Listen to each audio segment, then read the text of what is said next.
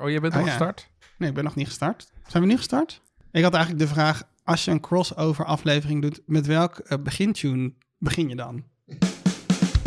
Deze aflevering gaat over kaasfondue. En het wordt vandaag een andere uitzending dan je van ons gewend bent, want we maken de podcast samen met Joppe en Lieve, makers van de podcast Kaas. En omdat deze podcast ook via de Kaaspodcast feed wordt gedistribueerd, leek het ons goed als wij onszelf even voorstellen. En als gastheer zal ik het spits afbuiten. Ik ben Jeroen Doucet, de ene host van Watschap de podcast. Tijdens mijn eh, studie heb ik professioneel gekookt in een goed restaurant. Toen kwam ik erachter dat ik beter kan kletsen over eten dan productie draaien. Mijn, is, toch, is toch waar. Nou, dat Herkenbaar, hè? ik. Ja. Ik kan wel wat goed koken hoor, dat weet ik wel. Mijn favoriete keuken is de Nikkei keuken. En als ik thuis, eh, als ik thuis werk, bak ik zuurdesem. Ehm, en in het dagelijks leven ben ik directeur strategie bij een bedrijf in interactieve media. Ik woon op een, in een zelfgebouwd huis op Eiburg. En ik heb een vrouw en drie kinderen. Ik ben een andere host. Ik ben Jonas Nouwen. Eh, ik kook al eh, sinds mijn twaalfde. Dat moest ik van mijn moeder doen, één keer eh, per week. De laatste jaren heb ik een soft spot ontwikkeld voor de Japanse keuken. En die is alleen maar sterker geworden toen we daar naartoe op reis gegaan zijn.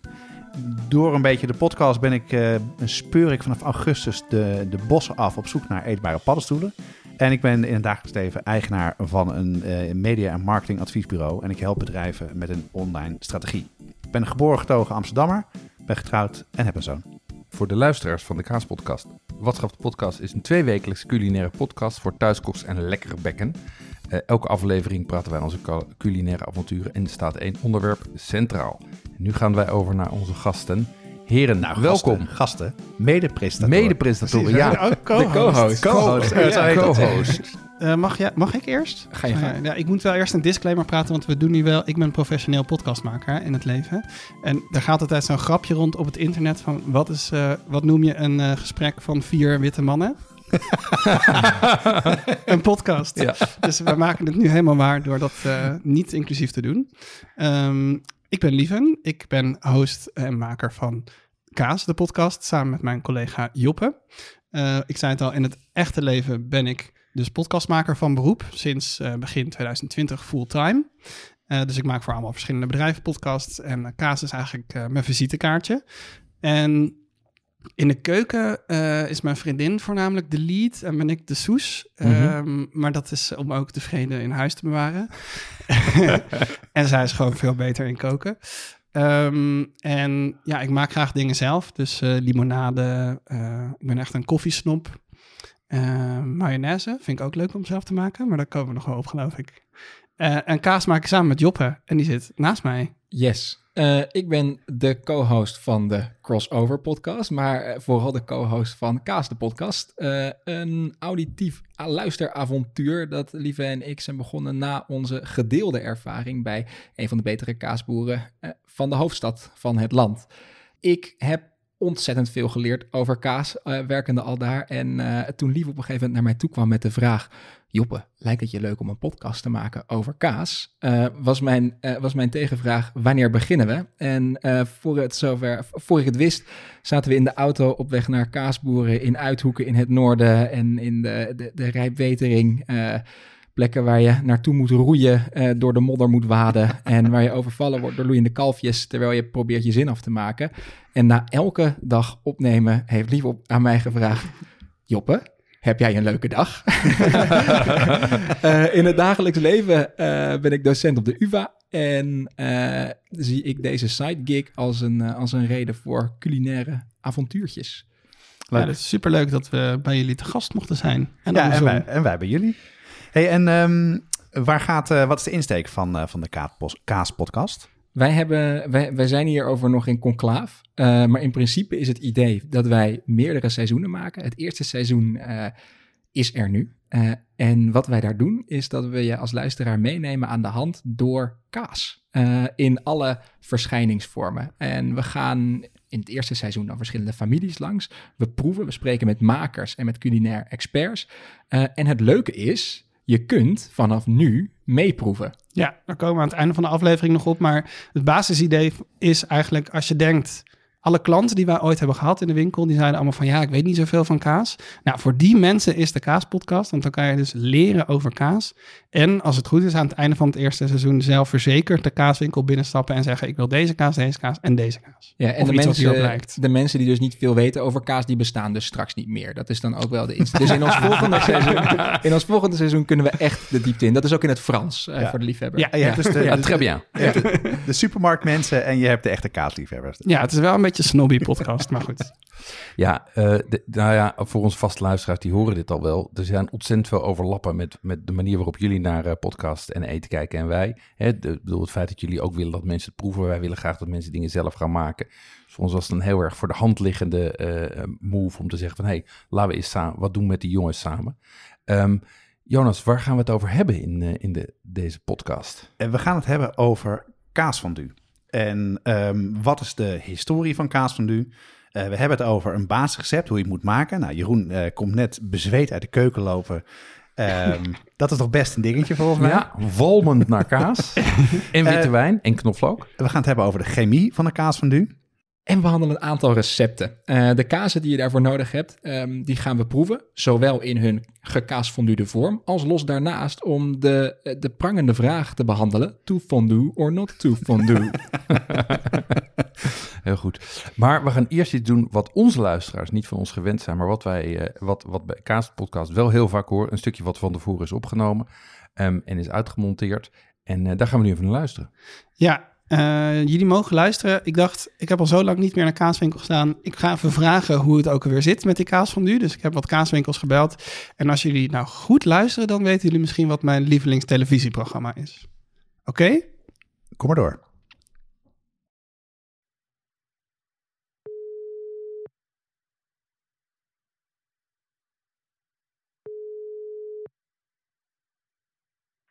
Hi, wat goedemorgen. Ja, goedemorgen nog.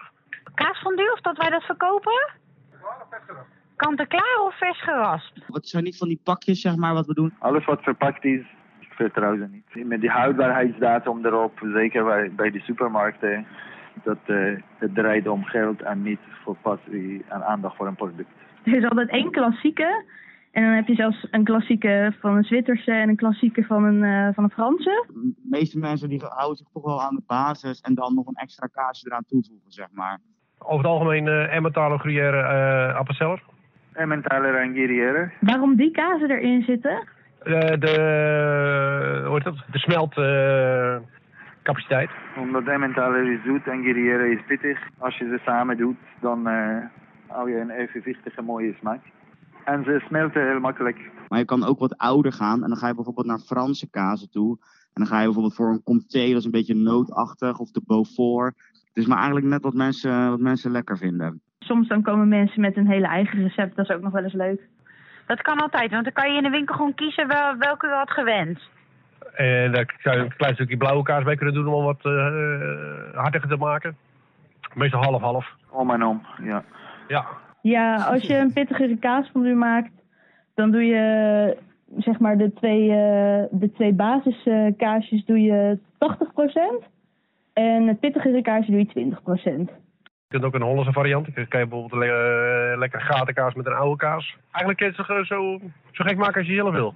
In principe kan het wel, maar het, het wordt wel afgeraden. Wijn of bier of uh, bouillon. Ja, kan ook met uh, bouillon, absoluut. Ja, moet sowieso. Witte droge wijn, dat is de basis. Anders smelt de kaas niet zomaar. Kan ook met melk. Kan ook met appelsap. Kan met alles eigenlijk. In principe is het, uh, is het de bedoeling dat het, uh, dat het niet mislukt. Maar ja, het kan altijd natuurlijk. Als het mislukt is. En hoe omschrijven die mislukking? Als het gaat giften is qua, qua mondgevoel ook niet zo lekker. Want dan heb je natuurlijk onwijs dat kor die korreltjes. Uh, het is helemaal gesplit natuurlijk. Dus ja, dat is gewoon niet zo lekker. Rustig aan. Niet te, niet te snel. Op een zacht vuurtje. Niet, niet voluit, want dan, ja, dan krijg je zo'n bal en dan kun je tennissen. Dunner maken, dan moet je meer wijn erin gooien. Dan heb je kaassoep. De kolonte, dan, dan is the end of the story. wat, een, wat een zalig item. Zo, ja. volgens mij is alles verteld. Ja, ja. Alles, alles kan dus. Alles kan. Bouillon, appelsap. En zoals met wel meer dingen in het leven, is het in principe niet de bedoeling dat het mislukt. Nee. Gewoon foolproof. Nee, ik heb echt genoten. Onwijs leuk, eh, lieve. Maar wat is nou mijn lievelingstelevisieprogramma? Eh Keur is van waarde? Precies. Ja. Ja. Nou, wij hebben altijd een vast item, dat is een drankje. En eh, zoals zo duidelijk gaat worden, is de juiste wijn cruciaal. Nou, is het nou droge witte wijn of appelsap? Eh, voor een goede kaasfondue. Eh voor de juiste consistentie en smaak. En Jeroen, eh, jij hebt het weer op je genomen om de wijn te selecteren. Wat heb je gekozen? Ja, ik heb, eh, zoals ik wel vaker doe, contact opgenomen met uh, Okhuizen, onze wijnpartner. Ehm, en ik heb twee Alpenwijnen. Ja, dus geen port, hè? Want dat mag niet van je. Nee, dat is Nee, verboden. echt. Stel je voor. Er, er, zijn, er zijn BN'ers die daar anders over denken. maar, maar wij hebben daar een meningje over. Diepe, diepe porthaat. Ja, Ja, bij kaas dan, hè? Ja. Maar wat heb je uitgekozen? Wat Ik heb, je met eh, Xavier eh, uitgekozen? wat we hebben uitgezocht is een, eh, is een Anaïs uit Piemonte. Dat is een Italiaanse eh, eh, Alpenwijn en een Gruner Veltliner. Ehm, en eh, hoewel we Italië niet associëren met kaas fondue, zijn er wel Italiaanse varianten daarop. Eh, en dit is, deze heeft wel wat, laat ik zeggen, wat je graag in Alpenwijnen zoekt, namelijk die, die wat hogere zuurgraad ehm, en, eh, en toch heel fris. Ehm, eh, en het is voor ons ook een experiment, maar de reden is wel dat we dus een, eh, we hebben dus een Arnees en de Gruner Veltliner, dat voor veel mensen Gruner Veltliner wat bereikbaarder is dan de, dan de Arnees. Dus ik zou zeggen, laten we, een, laten we even gaan proeven. Waar beginnen we mee? We beginnen met de Arnees. Die komt van Ceretto. Die maakt ook hele fijne Barolo. Ehm, maar goed, dat, is, dat slaat hier nergens op. Maar die maken ook deze Arnees. En ik schenk even voor jullie allemaal een glaasje in. En dan kunnen we dat rustig proeven. Ehm, Ik wil nog iets toevoegen over de toegankelijkheid van Grunerveld Liner. Ik was vrijdag nog even in een wijnwinkel om ook wijn te halen voor bij Kaas Fondue. Terwijl het ondertussen eh, eh, gaan alle glazen aan diggelen, hoor je. Wijn is nog heel. En toen kwam de verkoper ook meteen met Grunerveld Liner. Dus het is eigenlijk helemaal niet zo'n gek idee om, eh, om daarop te baseren. Hey, jongens, laten we iets Heren, hebben. proosten. Proosten. Yes. Chin chin. Mm, die is lekker, zeg. dan ben ik eigenlijk wel benieuwd wat onze, wat onze eh, eh, gasten proeven.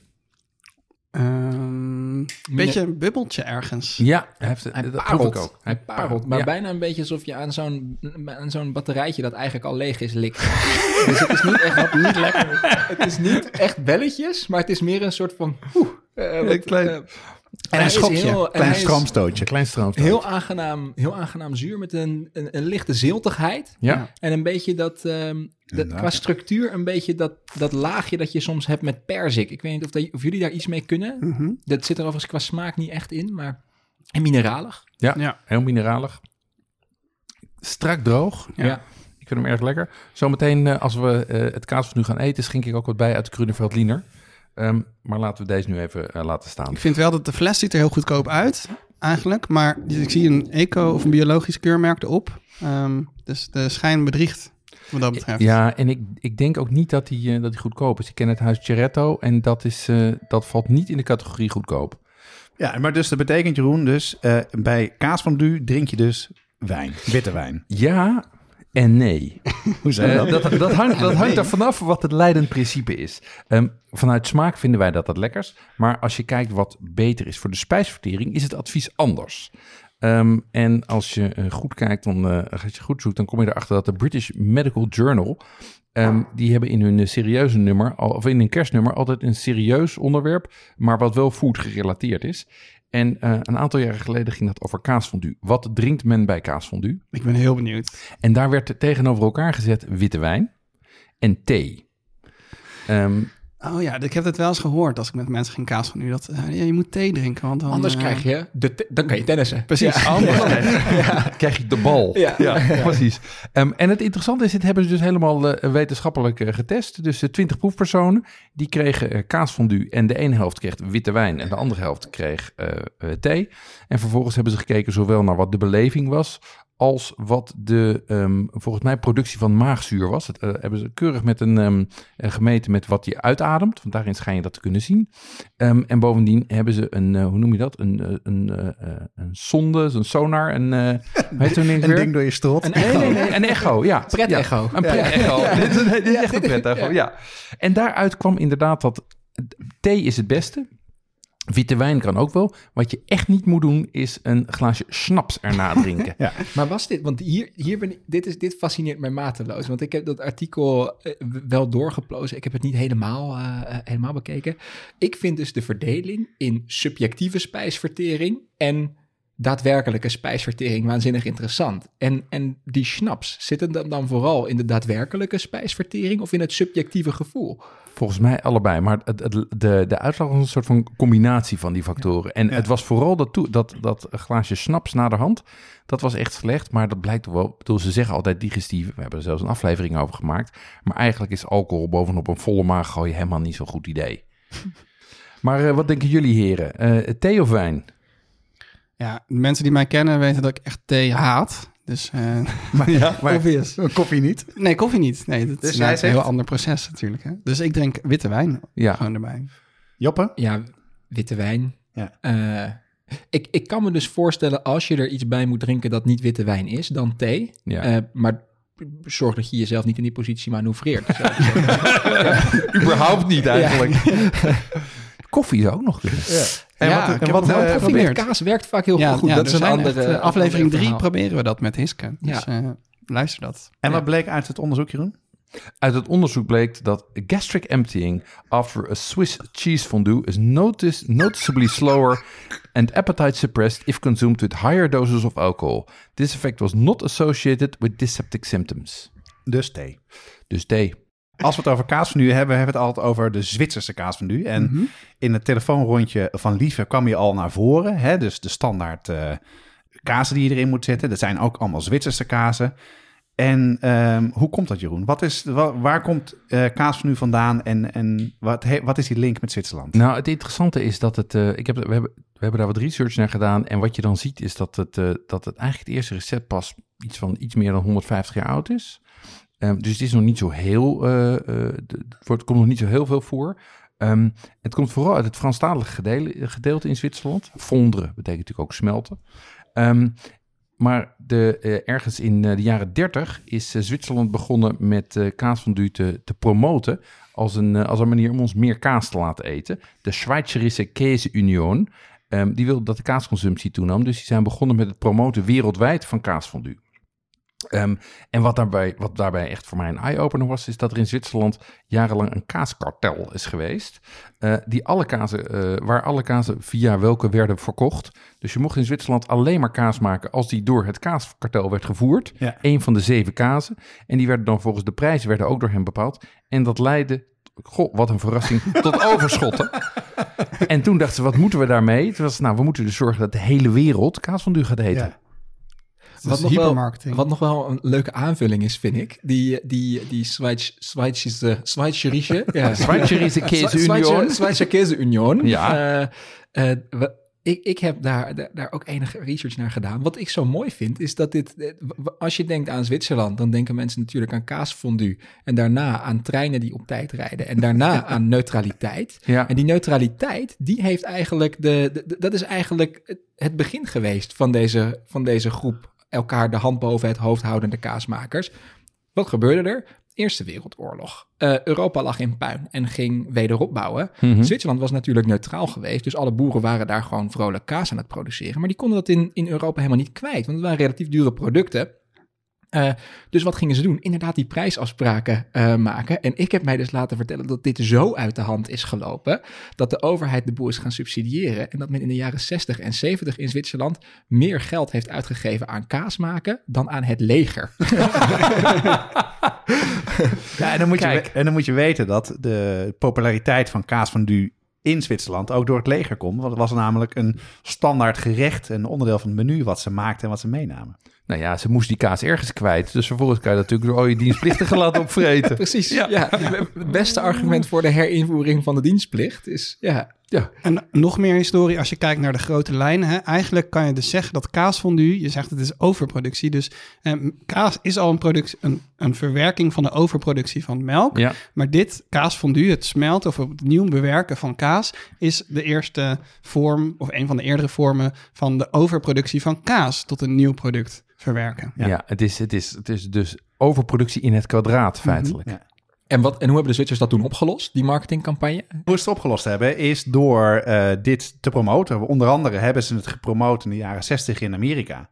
Was er, toen had je nog van die, hoe heet dat? Van die... eh, Wereldtentoonstelling. Dat was het, ja, ja. Ja. En daar was dan, hadden ze een berghutje gemaakt. En daar werd een kaasfondue gemaakt. En dat is het begin geweest van kaasfondue in Amerika.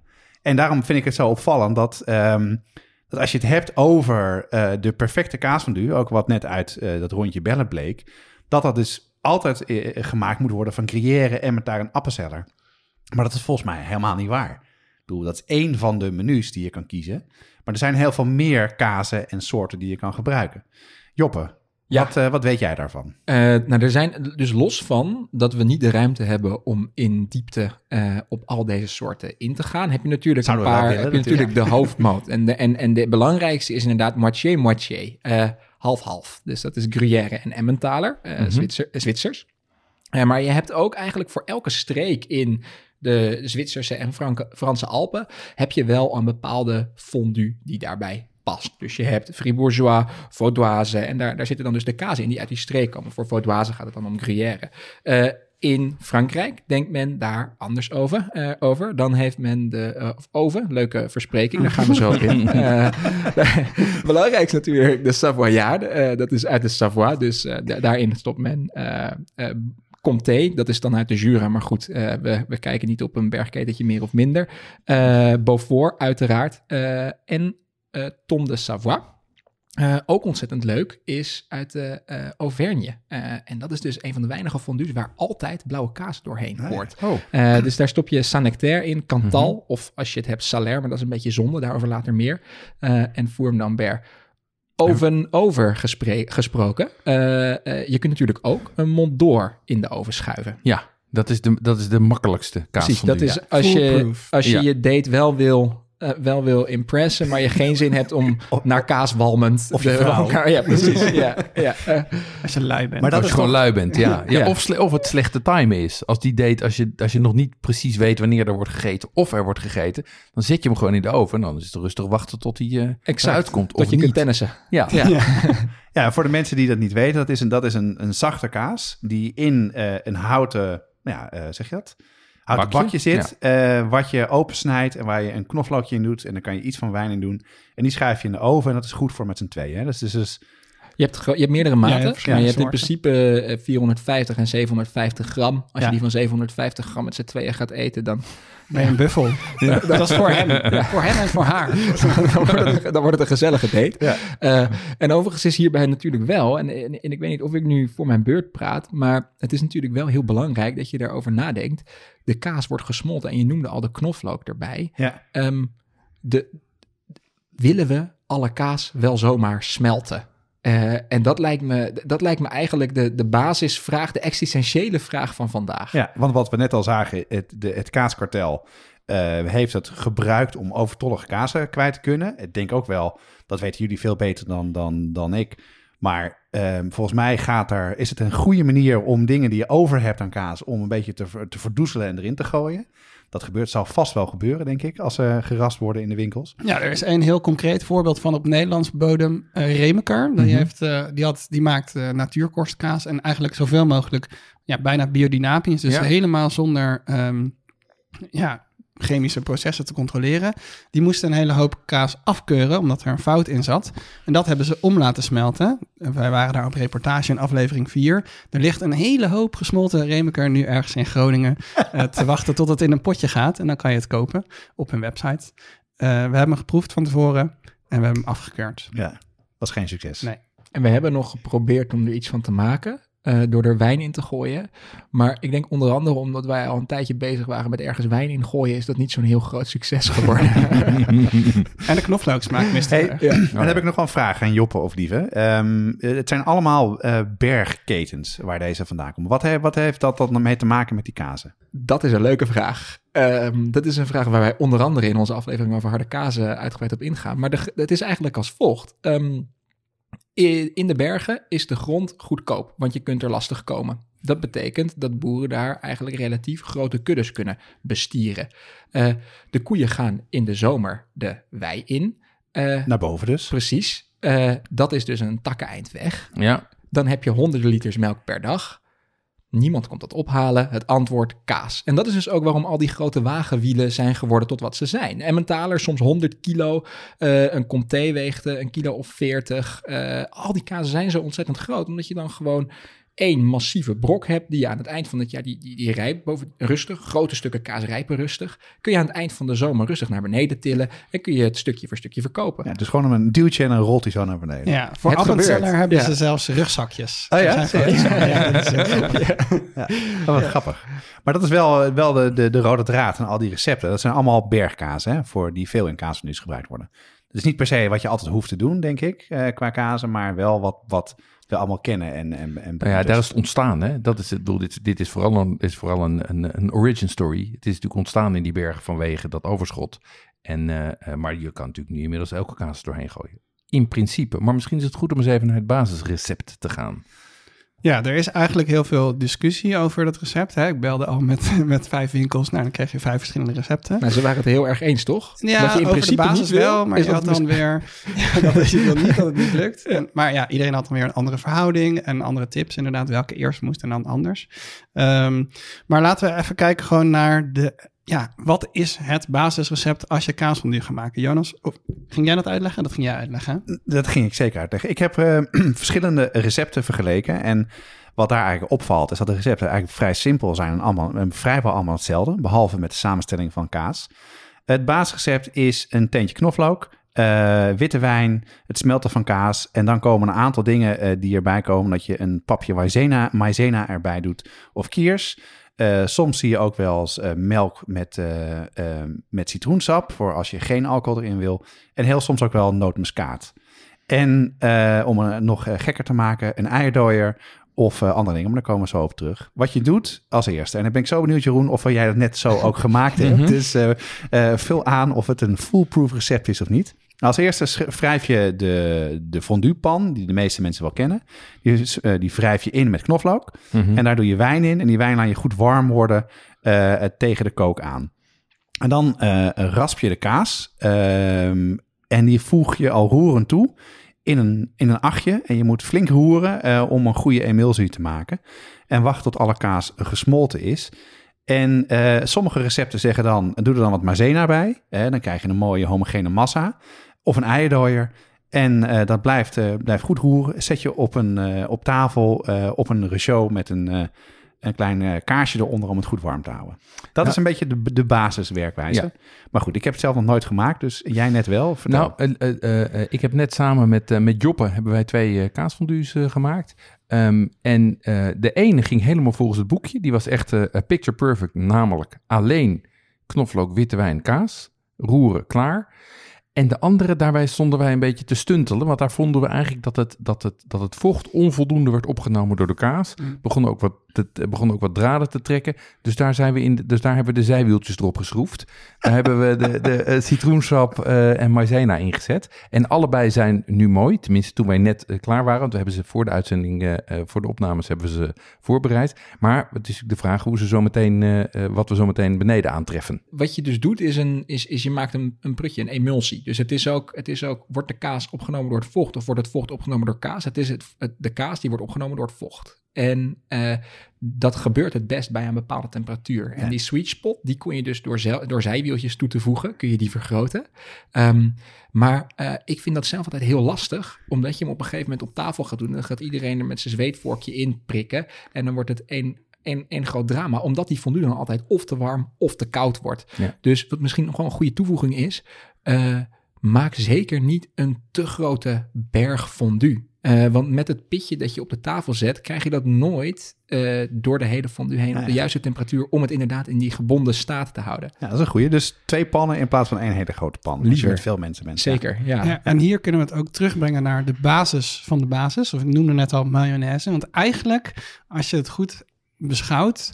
Hè, je, jullie noemden allebei net al het woord emulsie. Ja. Je moet het eigenlijk zien als een soort van mayonaise. En als je mayonaise maakt, dan ben je dus twee stoffen aan het mengen... die in principe niet goed met elkaar mengen. Eh, namelijk olie en vocht. Ja, Ja. dat is het. Maar als je daar te veel in één keer bij gooit, ja, dan gaat het dus niet werken. Dus je hebt een overbruggingsmiddel nodig. En dat is ja, in eerste instantie dus azijn of iets zuurs. En ja, je voegt dus die wijn toe om dat bruggetje te maken. En ook meer vocht toe te voegen om, de, eh, om het goed te laten mengen. Ja, kijk, wat wij, ehm, eh, eh, wat we hebben, we zijn, er, we, zijn er geen, we zijn er eens even echt de diepte in gegaan. Ja, want ik ben Nou, geesteswetenschapper, wij- hè? ik ben ook geen viroloog. Ik, Nee. eh, dit is de basis. Nou, wij, wij niet. Nee, maar precies, wij niet. Nee, we hebben een van onze leden van onze brigade, ehm, eh, Esther Heinebach, die is scheikundige. Ehm, en eh, die hebben wij voor de, voor de opname benaderd en gezegd: Goh, kan jij ons eens even uitleggen hoe dat nou, wat er nou precies gebeurt in de emulsie? Hoe zorg je ervoor dat dat goed blijft? Ehm, en Jonas, jij hebt een, eh, een, een kaasfondue college van haar gehad daarna, toch? Jaloers. Zeker, zeker. En nu eh, gaat dus natuurlijk blijken wat mijn cijfer gaat worden. Want ik ga natuurlijk wat zij mij verteld heeft herhalen. Nee, wat heel, wat heel leuk was. En Esther, ontzettend bedankt voor al je tijd en werk die je erin gestopt hebt. En ook de uitleg aan mij. Ehm, in kaas zit caseïne. Dat is een groep van eiwitten. Eh, en die vormen micellen, micellen. En in die micellen, daar zit calcium in. En het is belangrijk om, het is heel erg eh, eh, theoretisch, maar het is belangrijk om te begrijpen chemisch wat er gebeurt. In die soort van structuur die erin zit, in die cellen, daar zit het vet opgeslagen. En ehm, die cas- caseïne-eiwitten die worden bij elkaar gehouden doordat ze via calcium een verbinding aangaan, dat er calciumbruggen zijn. En als er geen caseïne zou zijn, dan zou het vooral heel erg vettig worden, een grote vetklont worden. En dat is ook wat er in je maag gebeurt. Als het heel erg geschift is en heel veel vet uitkomt, dat in je maag voelt heel vervelend. Dat heeft daar heel erg mee te maken. Tennissen. Tennissen, ja. Dus aan de ene kant een bal, maar aan de andere kant heb je dus heel veel vet. En dat is die hele, die, die, die vet wat erop drijft in je maag, dat gaat niet lekker. Nou, wat erom gaat, waar het om gaat, is je wil die caseïne-eiwitten, die wil je eh, manipuleren. Daar wil je wat mee doen, zodat je, zoals Lieve net zei, een eh, emulsie kan maken. En ehm, dat doe je op een bepaalde manier. En, en waarom is die caseïne dan van belang als je kaas smelt voor kaasfondue? Nou, dat zijn ehm, die, die moleculen houden het bij elkaar. En als je het smelt, en eh, als je bijvoorbeeld jonge kaas smelt in een tosti, dan krijg je heel veel eh, van die draden die eruit Mhm. komen. Nou, en die wil je niet in een kaasfondue hebben. Je wil juist geen draden hebben. Nee. Ehm, en je gaat die caseïne-moleculen moleculen en die verbinding die calcium aanmaakt, die wil je eigenlijk kapot gaan maken. Of daar wil je iets mee gaan doen. En dat doe je door de zuurgraad eh, toe te laten voegen, dus de afname van de pH. Eh, je voegt er vocht aan toe eh, om dat eh, met elkaar te laten binden. Je kan er zout aan toe gaan voegen. En ook de rijpheid van de kaas heeft een invloed. Want oudere kaas eh, heeft minder draden. En eh, door het eh, proces, het, het rijpingsproces, worden al bepaalde enzymen die, die, die breken al die caseïne-structuur af. Waardoor het makkelijker eigenlijk uit elkaar kan komen en zich vrij kan bewegen. Mag ik, mag ik nog eventjes een, de, de, de niet scheikundige toevoeging aan het dradenproces? Want jij noemde net achtjes tijdens het roeren. Ja. Dat is nog wel iets heel belangrijks. Als je rondjes maakt, dan trek je inderdaad die draden, die sleur je eigenlijk als een tak door de sneeuw eh, in rondjes achter elkaar aan. En als je dus achtjes maakt, de draad die je trekt met de lepel, die breek je dan elke keer weer door midden. Dus dan krijg je ook minder draad Ja, voor. Eigenlijk een beetje alsof je een wrongel aan het snijden bent. Ja, maar ook een beetje zoals je mayonaise maakt. Hè? Je wil dus die, die twee stoffen die je bij elkaar wil voegen, die niet natuurlijk bij elkaar zitten, die moet je eh, ja, kapot maken, eh, kleiner maken, zodat ze makkelijker bij elkaar zitten. En dat doe je dus ook met dat smelten. Maar nu is de million dollar question natuurlijk, als je je college goed gevolgd hebt. Of eigenlijk is dit een, een extra vraag die we aan de scheikundige hadden moeten stellen. Waarom werkt het niet voor vegan kaasfondue?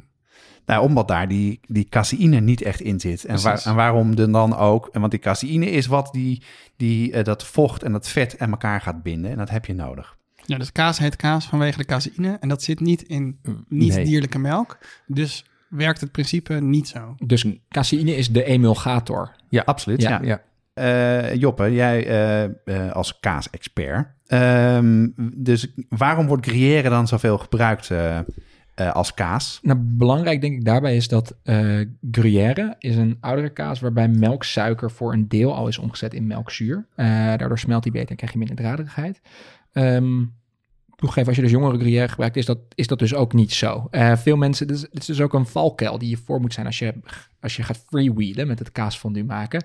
Je wil dus een kaas die in eerste instantie zo min mogelijk lijkt op kaasfondue. eh een, zo, een, een harde kaas wil je juist smelten, want die smelt beter. Die Ja. maakt Ja. minder draden. Eh, denk maar aan bijvoorbeeld eh, mozzarella tegenover oude kaas op een, op een, op een broodje uit de oven, weet je. Die draderigheid, dat is wat je wil voorkomen. En gruyère is daar extra uitzonderlijk geschikt voor. Ehm, verder, verder is Gruyère heeft een relatief eh, hoog vetgehalte, relatief hoog zout- zoutgehalte. Ook dat helpt heel sterk bij het, eh, bij het smelten en het voorkomen van draadvorming. Verder nog belangrijk bij het voorkomen van draadvorming is natuurlijk iets anders. Eh, en dat gaat over het vocht dat je erin stopt. Ja, Maar- want vocht is belangrijk en daar gebruik je wijn voor. En dat heeft ook echt wel een belangrijke reden. Want dat in de research die vooraf hadden gedaan, was het nou, moet je droge wijn, eh, zure wijn doen. En Esther die zei nee, het gaat, je gebruikt de wijn voornamelijk vanwege het zuurgehalte. Ehm, er zitten meerdere zuren in, wijnsteenzuur, appelzuur en citroenzuur. En die zuurgroepen die gaan zich hechten aan dat calcium. En die calcium houdt dus dat proces bij elkaar. En wat dat dus mee gaat doen, is het breekt eigenlijk een beetje die verbinding af, waarbij die dradigheid afneemt. Dus zuur is super belangrijk om een soort van soepele emulsie te krijgen. Feitelijk maak je van die, worden die caseïne-eiwitten door de wijn en vooral het zuur erin, het vocht heb je ook nodig, worden, eh, wordt een emulgator en daarmee stabiliseer je eigenlijk een warme emulsie. En dat is wat je wil eh, krijgen. Dus goede wijn, zure wijn is dus key om een goede kaasmenu te krijgen. En daarom hebben jullie waarschijnlijk ook een citroen toegevoegd om het zuurgraad te verhogen. Een klein beetje. En je Ja. merkt dat dat meteen verschil maakte. Ja. Ja, ja dat, lost, dat, dat maakt in ieder geval lost dat die draderigheid meteen op. Ehm, want wij zagen op, zeker bij die, we hebben de moitié moitié gemaakt, die half-half. En daar waren we aan het roeren. En toen zagen we inderdaad dat op een gegeven moment draden werden getrokken. En als je dan citroen toevoegt, dan zie je dat die draden weer smelten, zeg Ja. maar. Ehm, als je dan dus kaasfondue gaat maken, eh, is het niet men nemen wijn, men nemen kaas, knal het bij elkaar wat er gebeurt. Maar je moet natuurlijk, je moet natuurlijk raspen. Of in Frankrijk snijdt men, heb ik mij laten vertellen. Ja. Eh, eh, heel minutieus. Waarom is dat raspen nou belangrijk? Ja, nou dat is dus de hardcore, echt de helden in Zwitserland. Dat lees je ook wel ergens. Die doen het dus zonder raspen. Maar raspen is heel erg belangrijk, omdat je wilt ehm, de kaas, die wil je zoveel mogelijk in contact brengen met de hitte. Dus hoe meer het rasp, hoe beter dat dus die hitte er doorheen kan gaan en dat het dus eh, eh, goed opwarmt. En ehm, je kan het ook vergelijken met, met suiker bijvoorbeeld. Als je kristalsuiker smelt, gaat het heel snel. Maar als je grote brokken kandijsuiker smelt, duurt het vrij lang. En eigenlijk is dat precies hetzelfde. Dus je moet, als die ook mislukt, of als hij koud wordt, dan, eh, dan moet je eigenlijk die bal weer gaan raspen. Eh, om hem weer opnieuw te gaan eh, smelten. Er zit natuurlijk al eh, wijn en, en vocht in, dus of dat helemaal goed gaat, dat weet ik niet. Maar raspen is dus heel erg belangrijk. En maakt het dan ook uit hoe fijn je raspt? Vraag ik me nu even af. Nou, ik denk het dus wel. Maar is fijne raspen dan dus makkelijker? Dat zou je bijna Nee, zeggen, als je heel fijn raspt, dan wordt het vaak ook weer meer een klont. Ja, is mijn ervaring. Ja. Dat je zo'n soort sneeuwbal daarvan kunt maken Ja, ongeluk. ja, ja, Dus je wil juist een beetje grove vlokken, zou ik Er is een sweet spot. Ja. Ja. Ja. En het Ja. moet goed contact maken met de hitte. En dan gaf ik mensen in de winkel ook altijd de tip. eh, want iedereen vroeg altijd, hoe mislukt het niet? Zei ik, ja, sowieso roeren. Ehm, en, maar je kan ook dus maizena toevoegen. Eh, en dat stabiliseert de boel. Maar wat, hoe werkt dat dan chemisch? Nou, dat heb ik aan, eh, aan, eh, aan Esther gevraagd. En wat het dus doet, is dat ehm, het is zetmeel. En die zetmeel die gaat het vocht meer aan zich binden en vasthouden. En dan staan eigenlijk een soort ketens, lange ketens van glucose. En die trekken het water graag aan. En die caseïne, die maakt weer een verbinding met water en het vet. En daardoor geven ze eigenlijk ja, een, een, een, eh, misschien een, een vlot. Misschien zeg ik het helemaal verkeerd, Esther. maar een vlot om zich aan vast te houden. En dat maakt het een stuk, een stuk makkelijker om te doen. En Ehm, dat is ook wat je ook wel ziet, is dat mensen een ei er weer toevoegen. Ja. Eigenlijk eh, een beetje hetzelfde als mayonaise maken. Ja. Ja. ja, dat stabiliseert. Maar dat zijn allemaal, valt dat onder de categorie zijwieltjes. Ja. Ehm, want als, je het goed, als het goed gaat en je blijft dus zowel qua zuurgraad als qua temperatuur in die sweet spot zitten, dan zou je het alleen met kaas en wijn moeten kunnen Ja, doen. en dan denk ik dat vooral de, het contro- controleren van de temperatuur, het raspen en de zuurgraad heel belangrijk Ja, zijn. Dus een, precies. een, een citroentje bij de hand hebben, eh, denk ik dat dat eh, belangrijker is. En, eh, maar goed, het kan natuurlijk altijd mislukken, zoals we hoorden. Maar daar zijn oplossingen voor. en die hebben wij in de voorbereiding noemden wij die de nucleaire optie. Ja. Ehm, en vertel ons over de hek. Ja, we lazen dus eh, eh, dat je dus bijvoorbeeld lavage Curie kan toevoegen. Eh, die kennen we denk ik allemaal wel. Eh, of andere smeltkazen. En ehm, ik dacht, nou, dat moet een grap zijn. Dat is, eh, dat is niet waar. En nou, Esther zei, nee, dat is absoluut wel waar. Want er zitten smeltzouten in. Zoals natriumsulfaat eh, zit daarin. En wat dat doet, dat snelzout, eh, de negatieve delen, die hebben een aantal functies. Ze trekken ook weer water aan. Eh, maar ze verbinden zich ook met calcium. En als je met die calcium verbindt, net zoals het zuur, dan worden eigenlijk die vezels, die caseïne-netwerkvezels, aan elkaar getrokken. En ze hechten zich ook nog aan de eiwitten zelf. En dus net zoals zuur, eh, ja, verzwakken ze eigenlijk het netwerk wat er traditioneel in kaas zit. En wordt het wat vloeibaarder en wat beter. Dus de nucleaire optie, zoals Job, Job hem ooit noemde. eh, ik zou naast een, een klein citroentje ook wat La Vache qui rit erbij houden. Precies, wat iedereen... Mislukt het nooit. Wat, wat je naast je zakflaconnetje altijd bij je hebt. Zeker. Is, een, een, een, kubusje rit. Wat, wat ook nog wel eens wordt, wordt genoemd is baksoda. En dat vind ik nu vreemd, want we hebben het veel gehad over de zuren. En baksoda is juist basis. Ja, dat is het tegenovergestelde van zuren. Dat en snap ik niet. Nee, dat snapte Esther ook niet. Ehm, en er werd wel vaak gezegd dat je dat doet om bijvoorbeeld het volle gevoel in je maag weg te halen. Nou, we weten nu, drink thee en drink geen wijn. Het zorgt er ook voor, eh, ook al is het dus tegenovergestelde van zuur, dat er hydroxide-ionen ontstaan. En eh, door het toevoegen van baksoda. En die hebben ook een effect op die caseïne-eiwitten. En die maken hem ook dus losser. Dus op een of andere manier, chemisch gebeurt er ook nog zoiets. Dus iets nieuws. Maar Ja. is het niet ook een beetje de, de- dat mensen gewoon... eh, dat kaasfondue een van die vele ongrijpbare heilige gralen is? Zo'n fondue die perfect kleeft aan je broodje... maar geen draden trekt... en dat ze dan maar uit pure wanhoop... op een gegeven moment de baksoda erbij Ja, pakken? dat kan natuurlijk best. Hè? Ja. Er zit natuurlijk veel lore om dit soort, eh, Ja. eh, om dit soort dingen. Want op zich is het goed om te weten waarom het chemisch sens maakt. Maar mij lijkt de bottom line, wat voor fondue je ook maakt, neem je tijd, goed roeren, goed raspen. Ja, Ja. En als ik het eh, adv- wat eh, Esther als advies gaf, zei van ja, als je dan dingen toe gaat voegen, voeg dan kaas toe. En geen zetmeel en geen eh baking soda, wat ook gekke smaak meegeeft. Dus eh, Esther, super bedankt voor deze college. Ik hoop dat ik geslaagd ben. En eh, Goed heren, ik, ik heb het wel even gehad met het, eh, het scheikunde, met scheikunde les. Ehm, er staan hier eh, eh, bordjes voor ons, op, eh, keurig op anderhalve meter afstand, eh, met daarop in totaal zes kazen. Ehm, en eh, die kazen die hebben jullie meegenomen. Ehm, en die zijn verwerkt in de kaasfondue, maar die gaan we ook even losproeven. Dus ik stel voor dat we, dat, dat we even een rondje maken. En eh, aan de hand van de kaasfondues die we willen maken, even eh, proeven wat we hier hebben liggen. Eh, we hebben hier ongesmolten kaas. Hè? Ja. Welke moeten we eigenlijk eerst proeven? ja, en waarom doen we dit, jongens? Ja. Want Ja, dat kijk, was- dit dit, is- dit dit is was dus- jullie, jullie zeiden van we gaan dit doen. Maar we Maar proeven. dit willen we dus, dit moeten we doen. Ja. Dus jij, jij was daar heel stellig in, Dit is dus key, want, want we hebben dus de mythe gehoord van fondue is er eigenlijk alleen maar om van een bult gesubsidieerde kartelkaas af te komen. en, eh, en dat doet de vraag ontstaan, als het dus bedoeld is om kaas die anders niet verkocht wordt te verkopen, wordt het er beter van? Of is het juist, wordt het er eigenlijk minder van? Wat doet het met de kaas die er al is, dat je er fondue van maakt? Ja. En zijn er kazen die beter worden van in een fondue zitten? Zijn er kazen die minder worden van een... Michael Jackson en Jackson 5. Eigenlijk is dat de...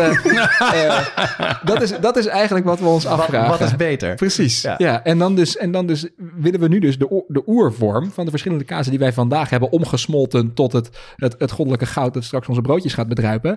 eh, die hebben we nu gewoon lauw voor ons liggen om te proeven. Ja, ik zit heel erg te twijfelen welke als eerst moet. Hè, dat doen we altijd heel moeilijk over in de, in de kaasplankjeswereld.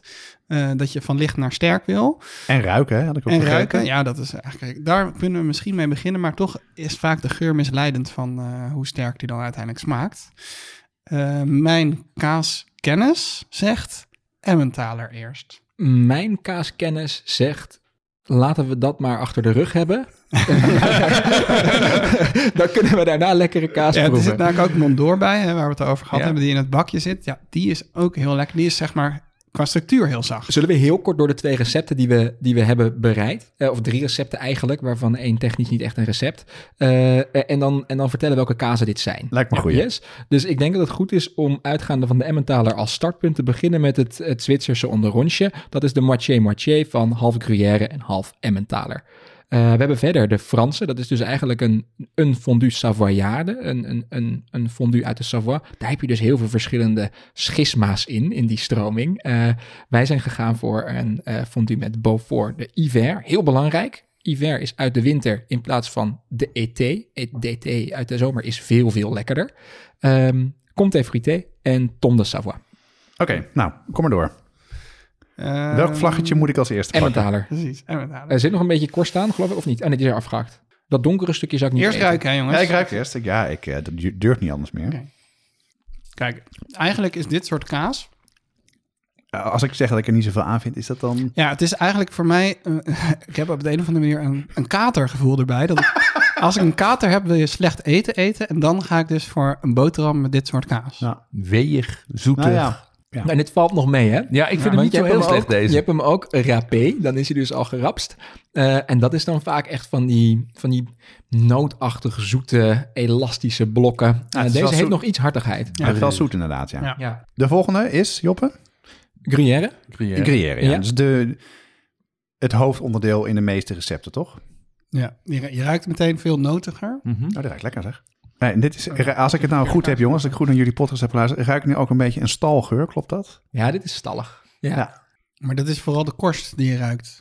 Maar de ik. smaak is heel anders, hè? Kan je hem beschrijven? Oh, dat vind ik zo moeilijk. Ehm, ja, met wijn weet ik wat voor een term ik moet gebruiken. Met kaas vind ik dat dus heel ingewikkeld. Ik, hij, heeft een beetje, hij is een beetje pittig. Mhm. Ehm, hij heeft wat zoetig, maar hij heeft ook, ook al is het best wel een harde kaas, maar hij, hij eh, heeft ook een romige smaak, vind ik. Ehm, de geur is best wel, nou ja, eh, is heel anders dan, je, dan, dan de smaak. En het is eigenlijk een, hele, eigenlijk een hele prettige kaas om te eten. Maar niet zo scherp, wat ik meestal, En deze was al scherper, werd mij gewaarschuwd in de winkel. vind ik wel meevallen. Is wel Je melk, voelt ook een beetje knispertjes. Zoutig. en toe. Oh ja, dat is waar. Dat voel je ook. Ja. Wat je ook veel in oude kaas Ja. hebt. Ja, Ja. wat geen zout is. Wat ik ook wel een interessante vraag vind na de, na de geschiedenis. Want er werd verteld dat er zeven kazen werden gemaakt. Maar er gaan er maar twee in de kaas. Waren Meest- dit de kaas die ze het meest over hadden? Of Ik weet hoe dat zit. Eh, er werd, je mocht inderdaad zeven of soms acht inderdaad kazen maken. Eh, in principe eh Emmentaler en Gruyère mocht eigenlijk iedereen. Een deel van de boeren mocht Sprins maken met een B. Dat is een soort Zwitserse parmezaan. Hoewel je dat in Zwitserland nog Italië zo hardop mag zeggen. En dan waren er een heleboel kleinere kazen. Maar daarvoor moest je allerlei vergunningen hebben. En daar moest je jaren en jaren op wachten. En de juiste mensen kennen. Dus de, de grootste kazen, die zitten natuurlijk in die fondue. ja, ja. En dan ook half-half. Dus eerlijk gedeeld. Het is Precies, wat dat betreft, neutraal. eh, volledig, uit- volledig uit, uitgepolderd. Ja. Ja. Oké, nu gaan we naar Frankrijk, denk ik, toch? Dit is de, de, de Franse... En dan doen we eerst de tom. Ja. Job, jij hebt altijd zo'n mooi verhaal over heuvels bij de tom. Nee? Niet? Nee? Elke heuvel heeft een eigen tom. Oh ja, wel. Ja. Eh, Tom de Savoie is eigenlijk een beetje een. Is eigenlijk een beetje eh, mensen denken dat Tom de Savoie één kaas is, maar dat slaat eigenlijk nergens op. Eh, want Tom betekent in principe gewoon een klein rond kaasje. Eh, en hoe die boer dat verder maakt, mag hij zelf weten. Wordt wel bijna altijd gemaakt van afgeroomde melk. Dat merk je ook al in de structuur. En was daarom van oudsher ook iets wat de boer zelf at nadat hij de boter had verkocht. Eh armeluisvoedsel eigenlijk. Ja. Werd dus ook in een grot gelegd om te rijpen. Daarom vaak zo'n rustieke, eh, ja, ja, karbonkelige korst. die dus wel zorgt voor heel veel smaak. Een croûte naturel, een, Ja. een natuurkorst. Maar als je de korst niet ruikt, maar alleen de kaas, dan krijg ik een beetje een eh, paddenstoelengeur. Krijg Mhm. ik. Maar eigenlijk is dat, dat zit ik toch wel stiekem op de korst. De want korst, dat is wit. En dat, is die, eh, dat zijn de schimmels. En een bittertje heeft hij. Maar hij is heel romig. Dat is heel lekker deze. Ja. En nu la- later begint hij wat pittiger te worden, merk ik. In het begin niet, maar... Een beetje achter in de keel. Ja. Ik vind dit heel lekker. Echt de lekker. Savoie. Ja. Ja. Ja. Dat is, eh, dat kijk, dit ik nog wel eh, niet gesmolten eten. Eindelijk.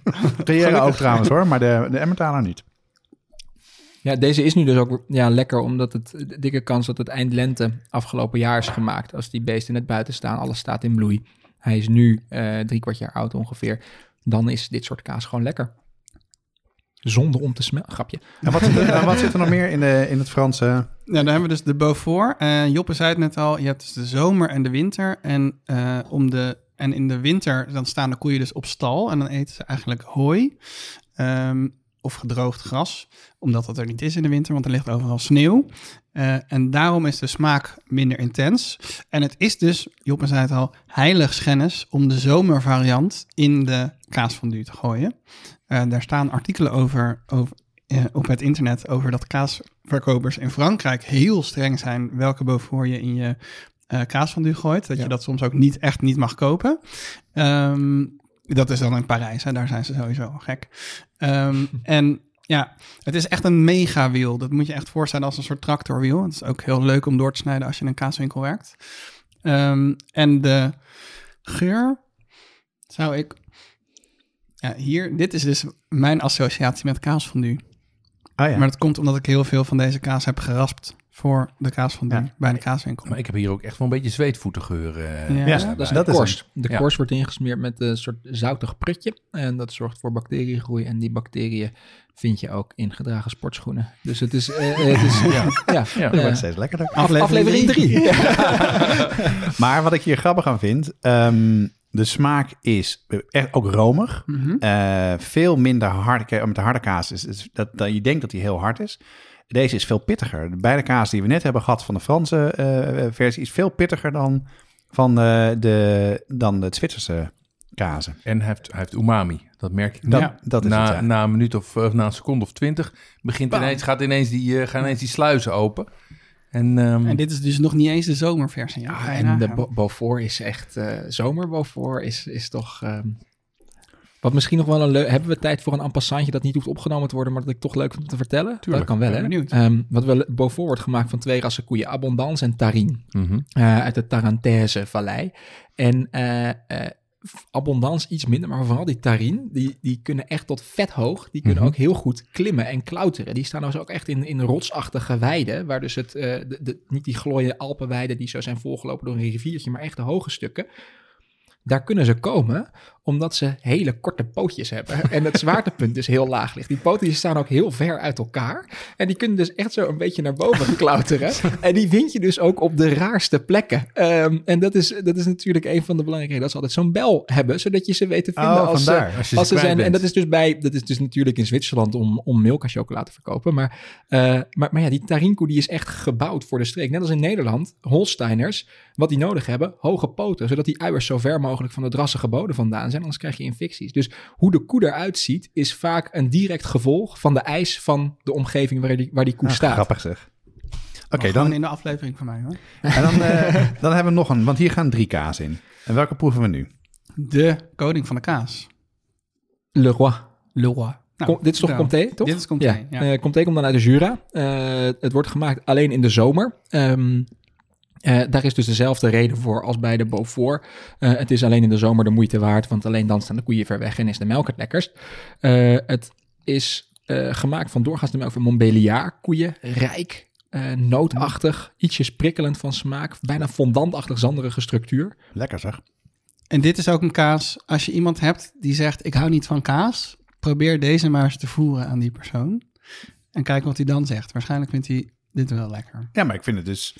Wat mij zo opvalt van het ehm lauwproeven, zoals Joppe zei... is dat ik zou die Zwitserse en die Gruyère misschien een beetje... nou, dat zou ik links laten liggen. Maar deze Franse zou ik gewoon in niet gesmolten toestand graag opeten. Ja, Allemaal de schuld van het kartel. Ja. ja, maar zeker deze, zeker deze Comté is heerlijk. Ja. Ik heb ook zelfs nog een beetje, een beetje geroosterde hazelnoot eh, Dat is het eh, smaak. Ja. Ja, en iets floraals, ook heel duidelijk. ja, Echt ja. bloemetjes. Lekker, Om een bruggetje te maken van de zomer naar de winter, dan hebben we meteen de laatste fondue die geen recept is. In de melk die in de winter uit dezelfde koeien komt als eh, waar in de zomer comté van wordt gemaakt, maak je van diezelfde melk niet comté, maar vacherin. Vacherin Mondor. En dat is een kaas... eh, romig, smeuig, loperig. Een klein kaasje in dus een sparre eh, houten ring. De, sparre, de bast van de spar, onderbast wordt daarvoor gebruikt. Dat geeft een beetje een harsige smaak. Die korst die moet je dus ook vooral proberen te eten totdat het houtig wordt. Ehm, en daar zie je dat het niet het voedsel is dat die koe eet, dat zorgt voor de rijke smaak, maar juist de rijping. En dat kan omdat deze kaas wordt gemaakt in de winter, als die koeien toch op stal staan en de boer toch dicht bij de markt is. Dan Ja. kun je dus een, een, Ja. een zachte kaas maken die niet lang goed blijft. Ja. En deze kun je dus ook integraal in de oven knallen en dan heb je instant fondue. Foolproof. En dit is eigenlijk gewoon, hier heb je geen hek voor nodig. Nee. Eh, die schuif je gewoon erin, kan bijna niet mislukken. Ja, de enige fout die je kan maken, die ik dus een keer heb gedaan, is eh, tijdens een date eh, ook die sparrenhouten bast proberen te eten. Ah.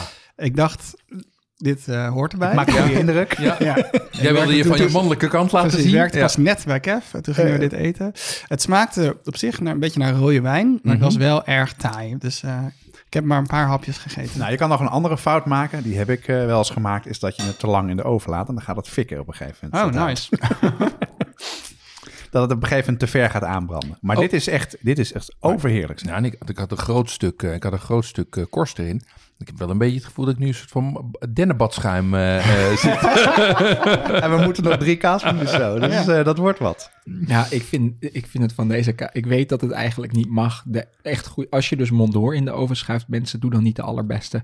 Want dat is... Sorry, nu word ik zo'n Parijse kaasboer, geloof Ja. ik. Maar dat, ja, maar dat- deze verkopen ze ook Maar bij maar- maar die vele verkoop- supermarkten. Maar die verkopen hem gewoon niet, hè? Die Parijse kaasboer. Die zegt... Nee, die zegt, die zegt...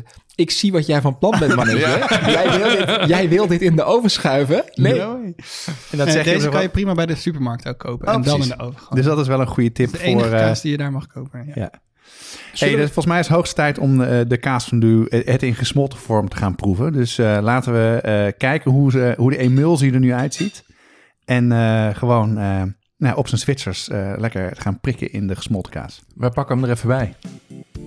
Ja, maar voor jou. Mag ik dan eens even uit? Ja, dus eh, Joppe en Jeroen kwamen naar boven rennen met vier pannen. Ja, En eh, we, we proeven de, de Zwitserse en de Franse. Ehm, en Jeroen, je hebt ook een, eh, een- een andere wijn voor je neus staan. ja, maar ik stel voor dat we eerst even gaan proeven. Gaan we doen. Want dus we gaan als eerste... We, hebben, we, we beginnen met deze. Dit is de. Zwitserse. Mhm. Eh, dat is die, ja, de, die, het blauwe pannetje voor jullie. Mhm. Ehm, Wauw, hij ziet er echt goed uit. en Dat is mooi van structuur is die Ja, jou, hè? echt heel Lekker romig. Onmiskenbaar die Zwitserse. Je ruikt de Emmentaler. Ik moet nog heel erg lang een draad toch nog opdraaien. Ja, en wij merkten nu ook weer, want we hebben deze natuurlijk even voorbereid, die zijn warm gehouden. Het is echt een heel, eh, het is echt een prinses op de ert. eh, eh, Op de berg. Ja, want Maar- die, die ideale, laat ik zeggen, die veilige zone, zowel qua zuur als qua temperatuur, die is echt vrij smal. Ja. Vandaar dat ik jullie nu dus ook zit op te jagen om, om te eten. Hm. Want we Hij staan nu ruikt ook een beetje zuurder. Kan dat? Wat ik heel grappig vind is, ehm, we hebben net dus de kazen lauw geproefd. Dus dit is de kaas met Gruyère en Emmentaler. Ehm, dus half om half. Mhm. Hij is heel zoet. Dat Ja. vind ik zo opvallend. Hij is zoveel zoeter dan de kazen zelf. En de wijn die erbij is, ik vermoed dat het een zure wijn is. Ja, want dit is dezelfde wijn die erdoor zit. Ja, da- daar is natuurlijk ook altijd heel erg veel discussie over. Moet je nou die wijn drinken die je erin doet? We gaan het nu, nu testen. Ja, wij, wij zijn wel erg van if it grows together, it goes together. Dat ken ik. En dat, ehm, eh, en, en dat vind ik dus, nou ja, nu is Oostenrijk en Zwitserland natuurlijk al heel lang niet meer één land. Ik denk wel dat deze... Nou, dit is wel, ik heb al stiekem een slokje genomen. Ach, Hij is helemaal niet zoet. heel lekker. Mineralig. Ook die tintel die, eh die Joppe eh, net goed omschreef. Met de andere wijn. Deze wijn heeft veel minder dat ziltige, dat die eh Ja. Arnijs wel had. Ja. Wat deze denk ik geschikter maakt om bij fondue te drinken. Ik denk dat ik dat ook vind. Heeft En- meer contrast. Kijk, Ja. deze coating trouwens. Ja, Want is dat is, echt natuurlijk de, dat is natuurlijk de lakmoesproef. Hè? Of je, eh, eh, sommige mensen doen het... Wij doen natuurlijk fondue met brood. Ik heb hier met, met Jeroen een 1 2 over gehad aan de telefoon eerder. Je hebt natuurlijk ook mensen die bloemkool of champignonnetjes of iets dergelijks erin doen. Als je echt wil weten of de structuur van je fondue steen goed is... Een cherry tomaatje, als je dat erin steekt en dat gewoon Oh, egaal een, een, een, een enkele millimeters dikke laag kan, kan voorzien, dan is je fondue perfect. Alsof je een soort chocola aan het maken bent. Ja, Maar ik vind het heel, heel erg opvallend dat je ze dus net ehm, eh, niet gesmolten hebt geproefd en nu. Ik vind het compleet verschillend en ik vind het wel onwijs lekker. Ja. Maar ik begrijp ook heel goed waarom alle kaaswinkels zeiden... ja, mensen willen hem soms wat pittiger. Want dit is gewoon... eh, dit, hier kan je mee ontbijten. Middle of the road is ja, dit. precies. Ja. Zullen we de volgende proeven? Mhm. zeker. Dat is dus de Franse. Dat zijn drie kaas die daar doorheen zitten. Ja. Heeft ook een iets andere kleur. Die is al wat meer tosti kaas geworden. Ik pak hem over. Het grappige was dat deze eigenlijk meteen qua consistentie goed was. En die is nu door het warm houden, is die toch, is die toch, het is toch draden gaan trekken. Ja. Er zijn blijkbaar die caseïne ketens, die ze hebben zich weer hersteld. Dat hebben we nog geprobeerd te remmen met een beetje eh, eh, citroensap erbij. Maar, Maar uiteindelijk gaat dat toch ook de smaak beïnvloeden. Dus maar ik moet wel zeggen, jongens, deze is echt goddelijk. Het Nee. smaakt wel meer naar knoflook, vind ik hoor. Kan dat? de- deze. De Maar tweede. de tweede. tweede. Dit, maar daar is de knoflook later ingegaan. Ah, heb je hier een reden voor? Ja, vergeetachtigheid. Maar je hebt genoeg recepten waarvan je eh, gewoon de knoflook door een knoflookperser doorheen doet hoor. Het is niet dat je nou per se eh, de beste resultaat krijgt als je de pan ermee Nee, insmeert. maar wat je hier dus meer proeft, is meer rauwe knoflook, zeg Ja. maar. En Ja. minder... Dus dat is ook nog Ja. iets waar je mee kan spelen. Op welk moment gooi je de knoflook erdoor? Maar ik moet wel zeggen, ehm, ik als ik zou moeten kiezen tussen wat een winnaar is, is het echt eh by far de Frans. Ja, Nou, voor mij ook. En dat is dus omdat hij pittiger is. En smaakvoller en minder zoet. Ehm, dieper. Eh, wat je eigenlijk al een beetje proeft hem door de kaas te proeven. Eh, Gelaagder. Ja. weet je, als, er nou, als iedereen nou zeggen, nou, het moet eh Gruyère, Emmentaler en appenzeller. Ik zou dat niet doen. Ik zou, eh, ik zou deze proberen. Ik neig ook naar de Savoyarden. En hier zit ook, hier zit ook, hier komt weer die umami. Dat is Ja. mijn stokpaardje. Wat ik merk bij die tweede is dat ik denk, ja, dit is, of bij die eerste bedoel ik, dit is, dit is iets, lekker, iets lekkers om te eten. Bij die tweede denk, denk ik, had die pan maar geen bodem. Dat het, eh, het, het, je wil, en dat komt ook natuurlijk door die umami, dat je gewoon, Ja. je, wil, Ja. je wil meer. En je, Ja. je, mond schreeuwt om meer, je buik schreeuwt om meer. Ja, Wat ik wel eens een keer op, eh, op een windsport gegeten heb. In Frankrijk. En dat was, eh, ik denk ik, deze, dit soort eh kaas van maar er waren dan gedroogd eekhoornsbrood doorheen gedaan. Oh my god. En dat maakt het ook wel lekker. En eh, je had het eh, in het begin, Jeroen, ook over Italië. Ja. En daar heb je ook recepten waar morieën ze doorheen gaan. En, eh, Maar ja, dat maakt natuurlijk, het verbloemt natuurlijk heel erg de smaken van de kaas. Dus ja, dan zou je niet hele dure kaas doorheen doen. Maar en nu le question de jambon. Van welke kaas was het zonde en welke kaas is er beter van geworden? nou, ik zou eerlijk zeggen dat ehm, toen ik de Zwitserse kaas proefde, dacht ik, nou, dat hoef ik niet. Maar de kaas van nu vind ik wel lekker. Ja. Dus daar denk ik dat eh, de kaas zelf proeven minder was, maar in gesmolten vorm beter. Eh, de Franse vind ik eh, net zo lekker als de kazen. Maar misschien moet je ze dan, omdat het best wel pittig is. Ik weet niet of het door alle kazen komt, of door de knoflook, of door één soort kaas. De pittigheid overheerst wel. Dus misschien dat je daar ook een eh, twee kazen genoeg hebt. Ik ga helemaal met je mee. Ik vind die, die Zwitserse kazen vond ik niet zo heel interessant. En hier in de kaas van vind ik ze lekker. Ik vind die Franse eh, als kaas van veel lekker. Ik vond die kazen ook veel lekkerder. Ik merk wel, ik eet ze nu side by side, dat die Franse, ik weet niet of ik die door ga eten. Nee, dat had ik ook. Want op een gegeven moment begint dat wel, begint dat wel match te worden. Dan krijg je ook dat, dat rauwmelkse en die zouten. En dan wordt het wel, dan wordt het werken, zeg maar. Dan krijg je behoefte om er wat anders in te dopen dan een stukje brood. Snap ik. Heeft dat niet ook een beetje te maken met dat die Franse qua structuur misschien iets minder goed is gelukt? Maar misschien qua, ehm, eh, qua of je het wil dooreten, bedoel je? Ja, precies. Ja, dat weet ik niet. Ik- maar hij, is gewoon eh, Maar ik snap- in- intenser. Is Smaak, smaaktechnisch inderdaad ook. Dat je inderdaad denkt, nou, nu zou, zou iets fris, eh, bloemkool of... Ja. ja.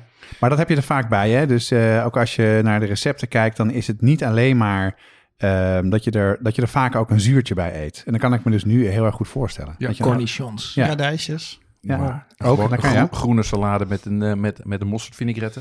Ja. En brood vult natuurlijk gewoon. Hè? Dus het brood maakt je eigenlijk hoofd- hoofdzakelijk vol. Eh, dus daarom is dat wel een goede hack. Ik heb net ook nog even de drie eh lauwe kazen tegelijkertijd geproefd. Mhm. Iets eigenlijk wat je natuurlijk niet mag doen. Ehm, dat proeft alsof je een soort van skittles eh, alle soorten door elkaar eet. Dus het is niet veel soeps. Eh, dus dan ga ik nu terug naar de fondue. Ja, dat, het, ik denk dat het gewoon... Ik denk dat ik ei en zonnebloemolie en mosterd los van elkaar op zich ook lekker vind. Maar het mengsel voegt toch wel wat toe. Wij nou even eerst een hapje nemen en dan even doorgeven. Nou, Jeroen ehm, komt met de laatste. Mooi ook in een bakje dat ervoor gemaakt lijkt. Ja, dat is, die past goed, hè? Ja. Dit is de Mondor. Totaal anders dit, hè? Totaal anders. Ik neem nog één eh, dingetje. Zet ik hem bij de heren neer. Ja, Maar wacht even, wat heb je hiermee gedaan? Want het heeft dus een andere bereidingswijze dan de gewone. Ja, misschien is het goed als, eh, als Joppe dat even vertelt.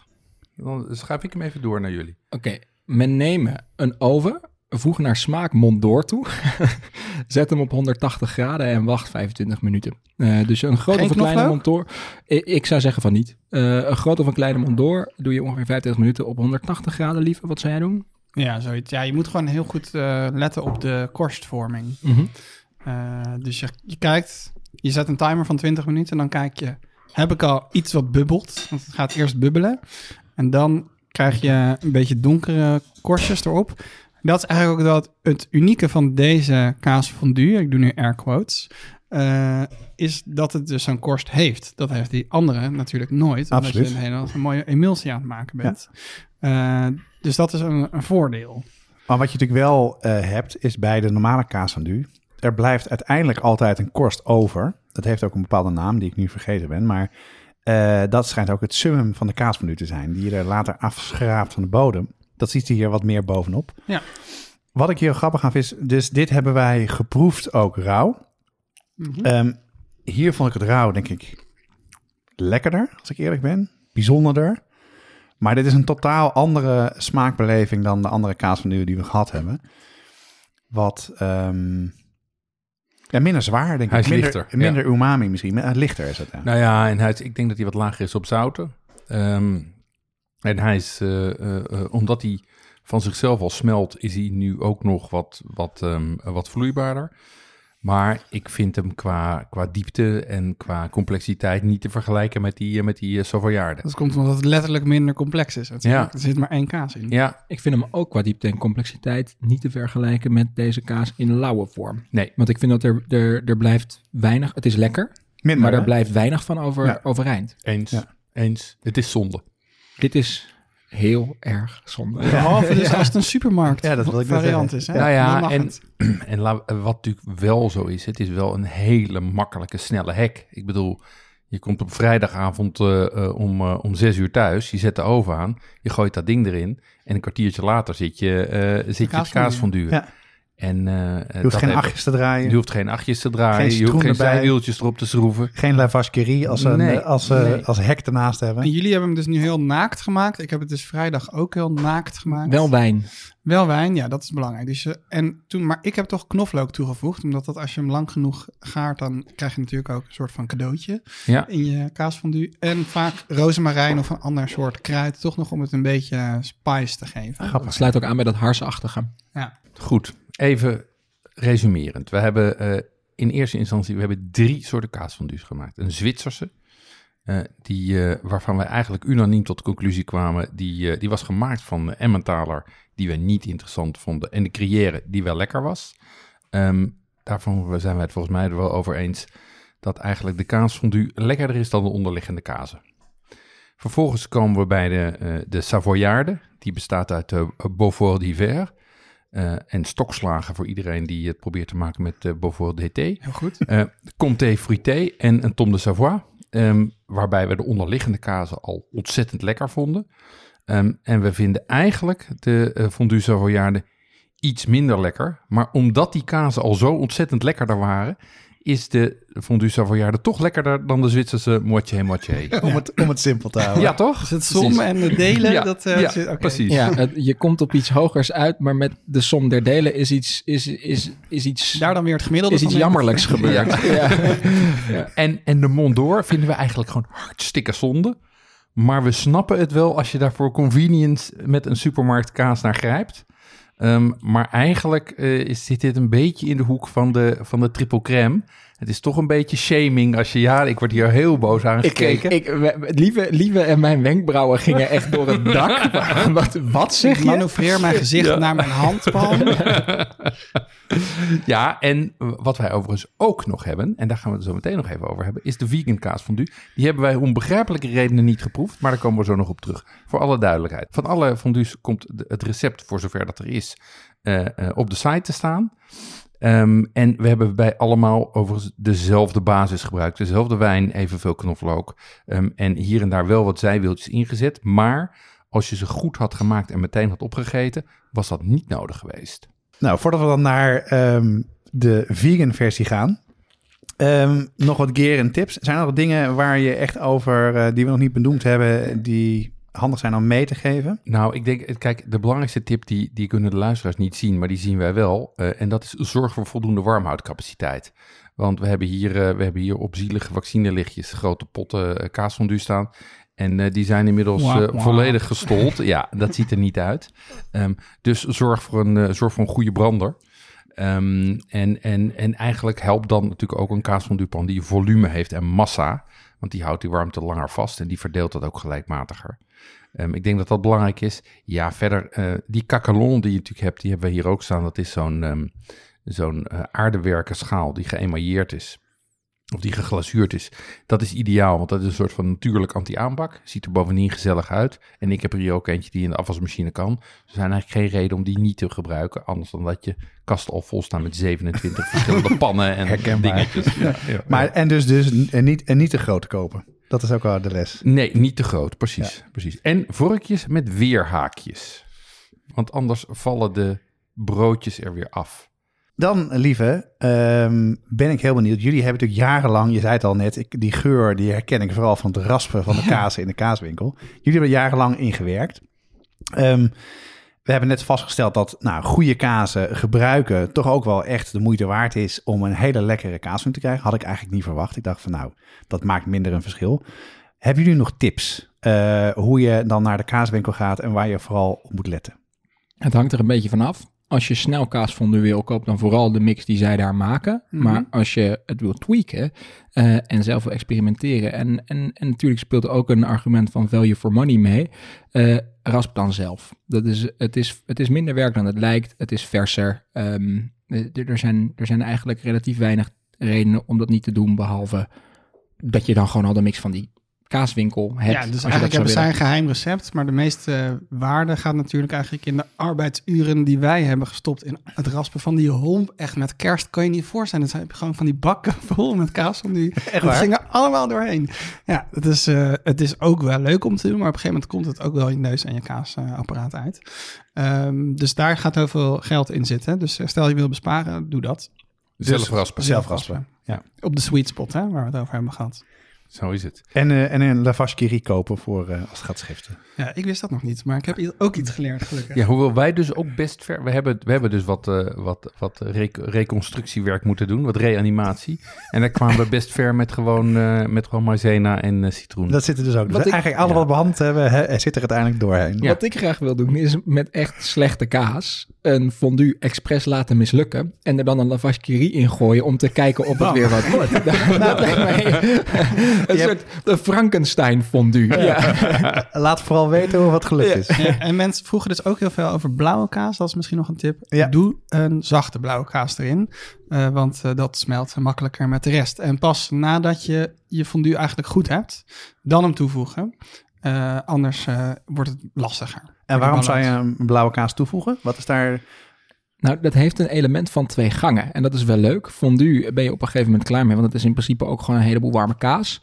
Eh, als je dan denkt, ik kan wel een, een stapje meer. Of je, wil, je hebt een leuke fles rood staan waar je denkt, nou laten we daar eens aan beginnen. Wat je dan dus kunt doen, is een stukje blauw. Eh, overigens dus ook geen rok voor, maar ga een stapje lager. Door de fondue heen gooien. eh, terwijl die gewoon in de kakkelon vredig staat te pruttelen. Eh, en dan roei je dat er doorheen. Dat heeft als effect, als hij niet te koud is, dat het weer een beetje bindt. Want hij gaat ongetwijfeld een klein beetje schiften. En je hebt gewoon een nieuwe fondue met Ja. nieuwe smaak. En een nieuwe fles wijn. Exact dat nog. En de laatste tip is eh, voor het ultieme omelet de dag erna. Gooi er gewoon als je klaar bent een ei in. Dat ja, wel een beetje warm maken zodat het niet heel raar eruit komt. Maar de volgende dag dan heb je, ja, dan heb je waarschijnlijk een kater als, je ik bent. En dus eh, wijn drinkt. Ehm, maar dan heb je wel het, het, het om, omelet du ultime. Maar goed, je hoort het net over Frankenstein, eh lieve.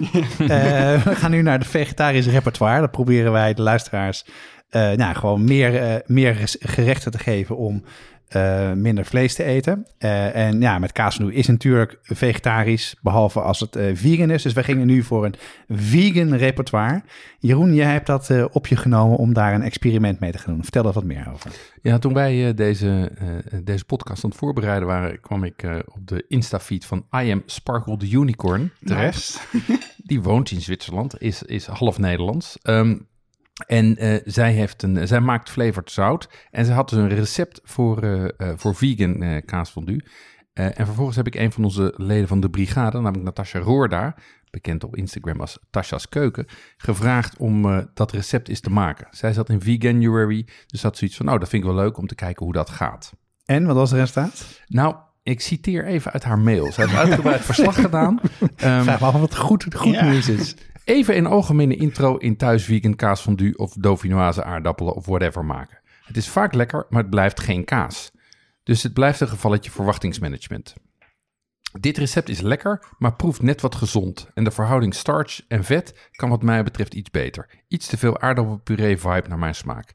En puur esthetisch, het was wat grijs, dus heb ik er een snufje kurkuma doorheen gedaan. Het oog wil ook wat. En dan zegt ze, de nutritional yeast, miso, mosterd, witte wijn en citroensap zorgen voor een gelaagde, hartige umami smaak. Kortom, het is een lekkere, warmige, hartige, gluey dip, maar het is geen kaas. Ehm, we zetten het recept op de site en eh, wij noemden het hier net al even off-piste skiën. Eh, dit, is, eh, dit is proberen op eigen risico. Ehm, het is geen kaasfondue, maar dus wel een lekkere, warmige, hartige, warme, hartige, gloopy dip. Maar het is wel dezelfde ervaring, gezellig aan tafel zitten met z'n allen. En als vegan voor jou belangrijk is, ook eventueel eh, vanwege je gezondheid, dan Ja. is het wel een oplossing. Goed. Ook deze week hebben wij trouwens weer een weggevertje voor de leden van de brigade. Ehm, we hebben een, een van de ingrediënten voor, eh voor kaasfondue in een aantal recepten is kiers. Ehm, en er is een Nederlandse fabrikant van eh, kiers, Leons. Daar hebben we het in een eerdere aflevering over gehad. En wij verloten onder de leden van de brigade, onze vaste luisteraars, een fles Leons kersenborrel. Dus mail naar debrigade.watschaftepodcast.com. Dan doe je mee in de loterij als je tenminste bij de brigade zit. Ehm, wil je ook bijdragen aan Watschaf de podcast? Kijk dan op de site hoe je kan doneren en daarmee lid kan worden van de brigade. En daarmee zijn we er. Dankjewel jongens. Leuk eh, om in jullie podcast gast te zijn en jullie bij En ons. vice versa, dank jullie wel. Leuk om in elkaars podcast. Hoop dat de Deze, luisteraar het ook leuk deze vond. emulsie van twee podcasts. Deze podcast wordt gemaakt door Jonas Nouwen en Jeroen Dozet. En deze keer samen met Joppe Gelderloos en Lieve Heremans van de Kaaspodcast. En hij wordt mede mogelijk gemaakt door de Brigade. Eh, donaties zorgen ervoor dat we podcast kunnen blijven maken. En de volgende brigadeleden hebben ook eh, een bijdrage geleverd. Ehm Corianne van Dodewaard Straathof doet online productie. Esther Heinebach deed research naar de chemie van de kaasmenu. En we zullen daar ook nog een blogpost op onze site over publiceren. Dus als het niet te volgen was of ik heb een onvoldoende gekregen, dan staat het daar nog een keer goed. En Natasja Roorda, zoals Jeroen net zei, testte het recept voor de veganistische kaasmenu. En volgens mij gaat ze nog verder mee om aan het recept te tweaken. Ja, ze sleutelt verder, maar ik denk dat dat wel het volgende Veganuary wordt.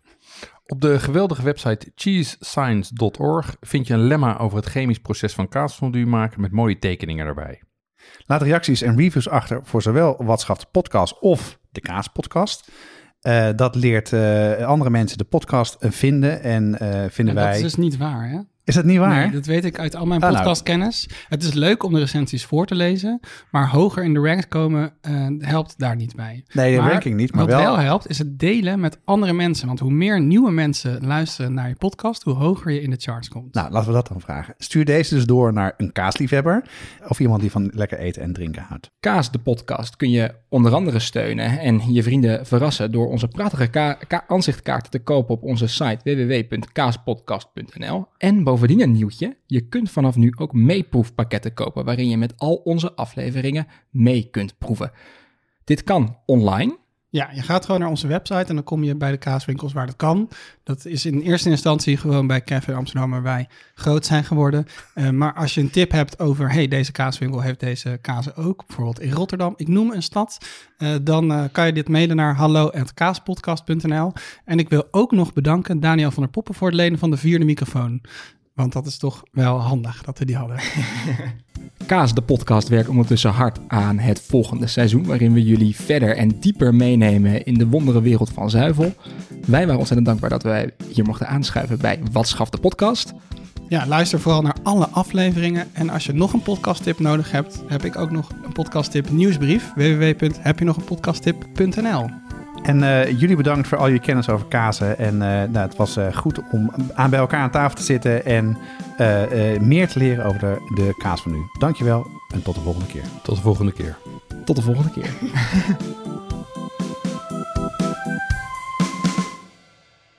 Mooie emulsie, jongens. Gisteravond was ik even snel nog in de tuin om een uur of zes, half zeven. En toen was net de zon nog bij de waterpartij. En toen zaten daar twee kikkers te kwaken. En zonnebaden tegelijk. Nou, dat was echt een cadeautje. In Podcast de Groentjes luister je naar het portret van een volkstuin. Luister naar de verhalen van bevlogen tuinders en leer het rijlen en zeilen van de vereniging kennen. Zo vertelt Ali over het gevoel dat ze krijgt van tuinieren. Beste meditatie ooit, zei ik wel eens. Maar zo voelt het absoluut. Even weg van allerlei zorgen die je eventueel hebt en iets laten ontstaan. Weet Birgit dat je karakter zich laat zien in je tuin? Echt elke tuin, als je daarnaar kijkt hè, en je gaat hem dan zeg maar omschrijven. En de eigenaar komt en die zou je dan kennen, dan zou je denken: ja, het klopt, precies- het klopt precies. En geniet Janneke van het plukken van onkruid. Dat kleine gevoel van het net loslaten van dat plukje uit de aarde, dat is hetzelfde als stofzuigen. Je stofzuigt en het verdwijnt. Dat is mijn gevoel nu van macht. Leer daarnaast hoe je thuis natuurlijk tuiniert. En maak van je eigen tuin of balkon ook een paradijs voor dieren. Kijk, een vlinder. Een Ja, mooie, een dagpauwoog. Ja, en daar in Atalanta. Moet je eens kijken. Er loopt weer een eekhoornsje over het dak en dan springt hij er weer vanaf. Ja, dat vind ik prachtig. Kom ook tot rust in deze andere wereld, waar vogeltjes naar hartelust fluiten, krekels de avondstilte opvullen en waar juist de kleine dingen belangrijker worden. Oh, mijn telefoon. Ik word even gebeld. Ik denk dat mijn vrouw is. Ja? Oh, ben je bij de moester? Oké, kom maar zo aan. Ik ben even de la- laatste vlindertjes aan het doen. Ja? Oké, doei. Oh, Oké, ik hoef me niet te haasten. Nee, mooi. Oké, altijd goed. Doei. Welkom op de tuin. Welkom op de, welkom op de tuin. U ziet en hoort, dit is een paradijsje. Komt u verder, neem de tijd toch ruim. Die loopt hier immers op een trager wijze. Ja, dan ga ik lekker zitten lezen voor in mijn tuintje. Of ga- eh, beeld houden achter in mijn tuintje. Je houdt beel. Ja, kan je dat zo hobby, zeggen, houdt beel? Beeld houden. Je doet aan beeld houden, dat lijkt me Je houdt beel? Die staat erop hoor.